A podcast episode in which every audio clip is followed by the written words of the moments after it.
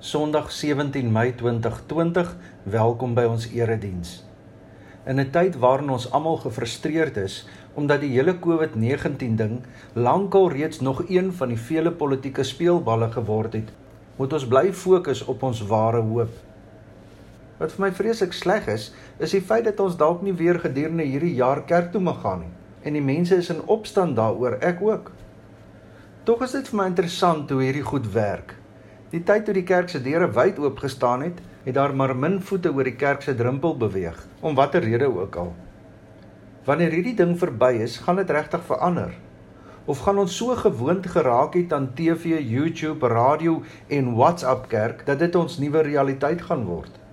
Dalk is die wêreld se nuwe realiteit dat die kerk al meer en meer net nog een van die gesuis in die agtergrond gaan word. Watter rol God ook al in jou lewe speel, vermoed ek dat wanneer hierdie lockdown verby is, dat daar meer mense in hulle karre op pad gaan wees na elders toe as kerk toe. Dis maar net 'n opmerking, wat gaan jou realiteit wees? sien op die huidige manier van kerk luister, word daar nie veel van my gevra nie. Ek gee net my ore. Ek is nie deel van die kerk nie, ek is net 'n luisteraar. Ek hoop dat dit nie so is nie, maar dit kan so wees. Aan die ander kant moet ek op hierdie huidige manier besluit wil ek hoor of nie, wil ek groei of nie, wil ek verander of nie. Niemand sien my laksheid nie. Geen regering, geen politieke party, geen slim professor gaan vir ons 'n wonderwerk geneesmiddel vir COVID-19 laat kry nie. Aan die een kant vertel almal vir ons dat ons sal veilig wees as ons by ons huise bly, Maar aan die ander kant sê die slim mense dat hierdie slegs 'n uitstel tegniek is en dat ons almal onderskoot gaan kom. Aan die een kant hoor ons dat hierdie virus 'n sluipmoordenaar is en aan die ander kant hoor ons dat 98% van die mense wat dit gaan kry nie eens ernstig siek gaan word nie. Grendeltyd gaan aan die een kant oor die red van mense se lewens en hulle gesondheid en aan die ander kant stel Grendeltyd juis mense se lewens in gevaar omdat hulle nie hulle kos kan verdien nie. Een van die slim mense het nou die dag gesê dat daar meer mense gaan doodgaan aan honger as gevolg van die lockdown as wat daar sou doodgaan as gevolg van COVID-19. Dank die Here dat ek nie daardie besluit hoef te neem nie.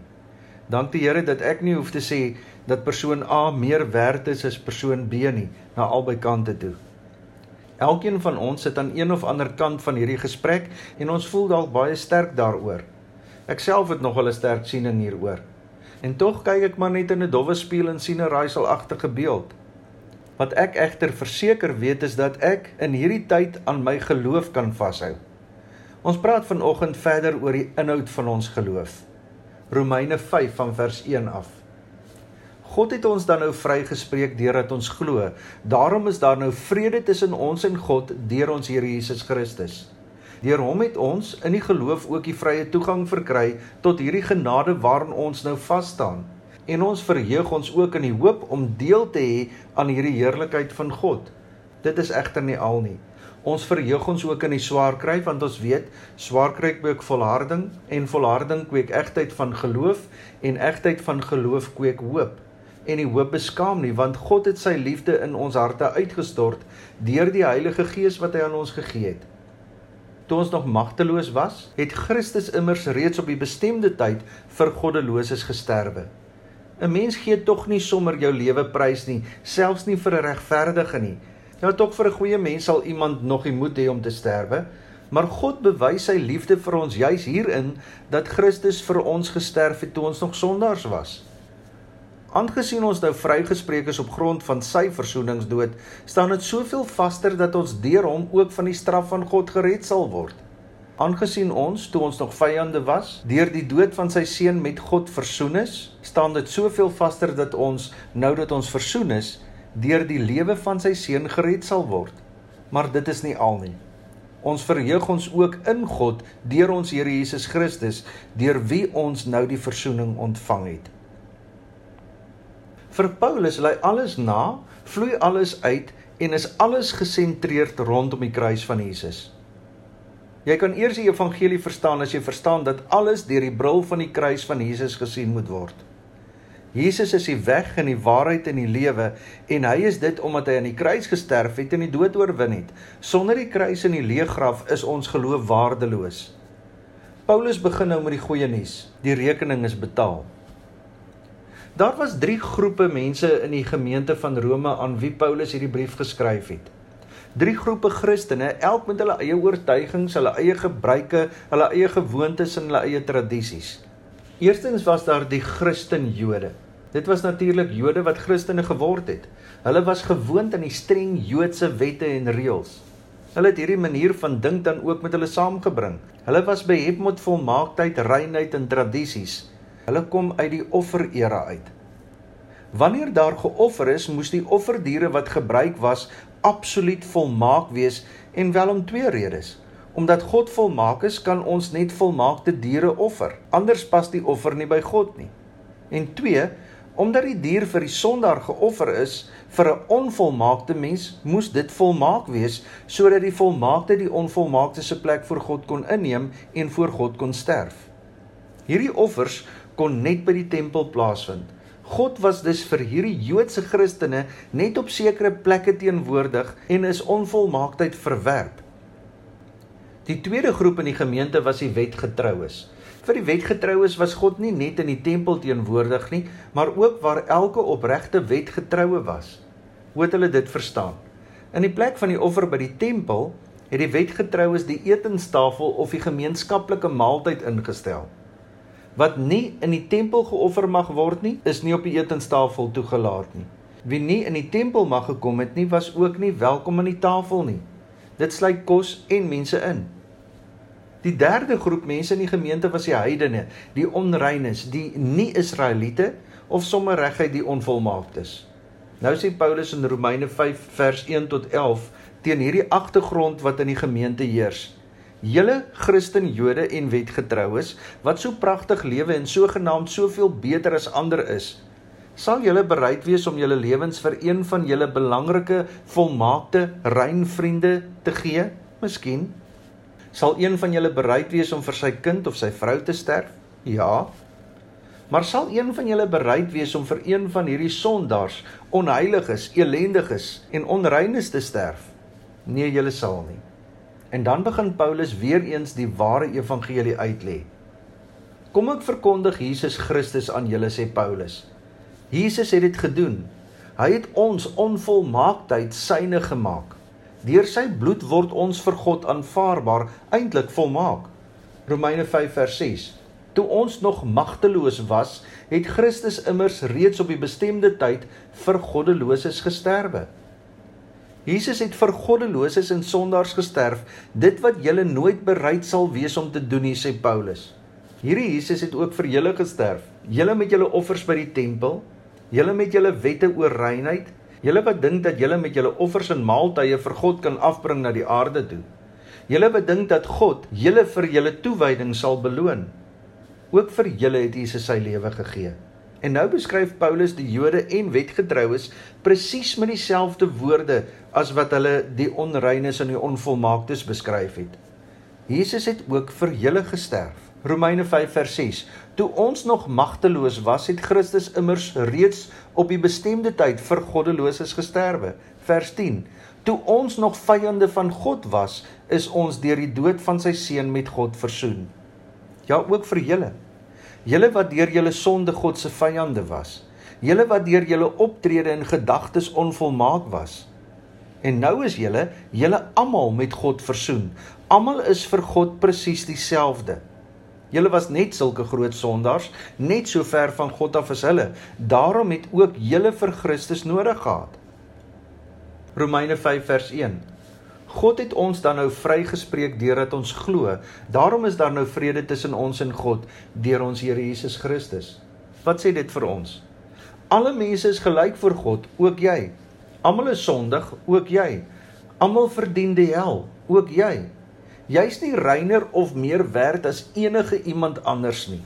Alle mense is gelyk voor God, juis omdat ons almal sondaars is. Almal het gesondig, almal is ver van God af, almal is strafwaardig voor God.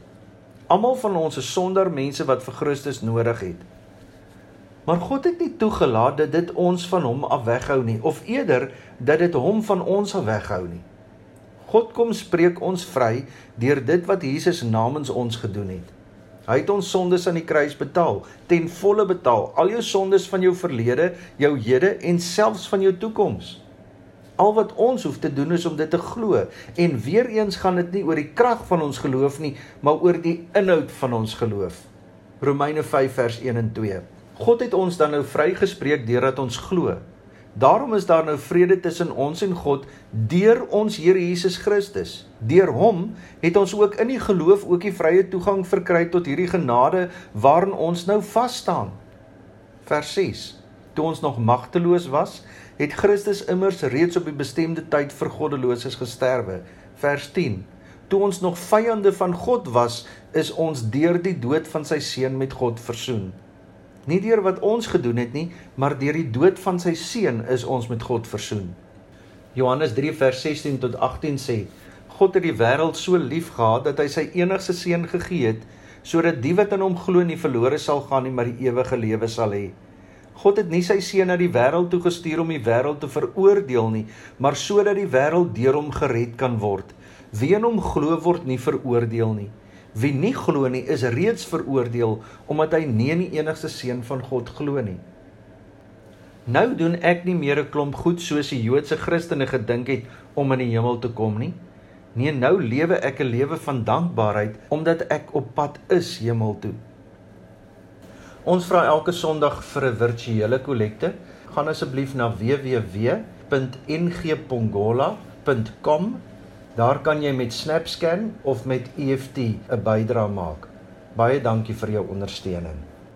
Here skenk aan ons die genade, lig waar ons net donker sien, moed waar ons vrees, hoop waar ons wanhoop, vrede waar ons gemoedere storm, vreugde waar ons hartseer is, krag waar ons swak is, wysheid waar ons verward is, sagtheid waar ons bitter is, liefde waar ons haat. Die Here sal julle seën en julle beskerm. Die Here sal tot julle redding verskyn en julle genadig wees. Die Here sal julle gebede verhoor en aan julle vrede gee. Laat hier u vrede deur my vloei. Waar haat is, laat ek daar u liefde bring. Laat ek in pyn en smart vertroostend wees krag gee deur geloof in U o Heer. O Heer, help my om altyd so te leef. Om ander hoër as myself te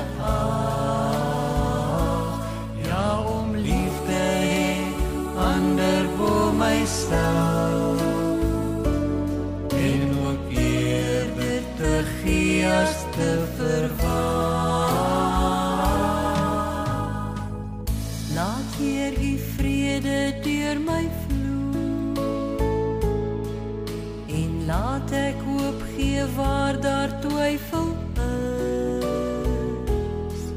Ek wil u lig in duisternis laat skyn.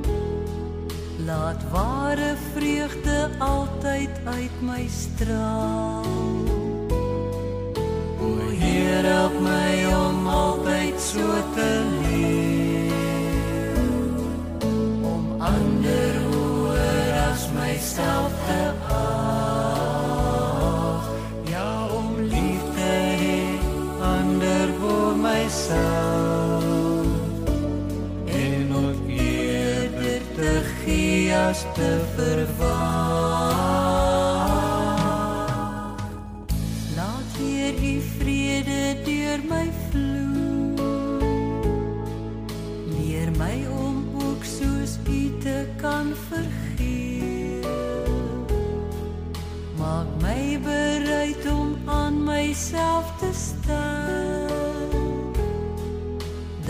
dat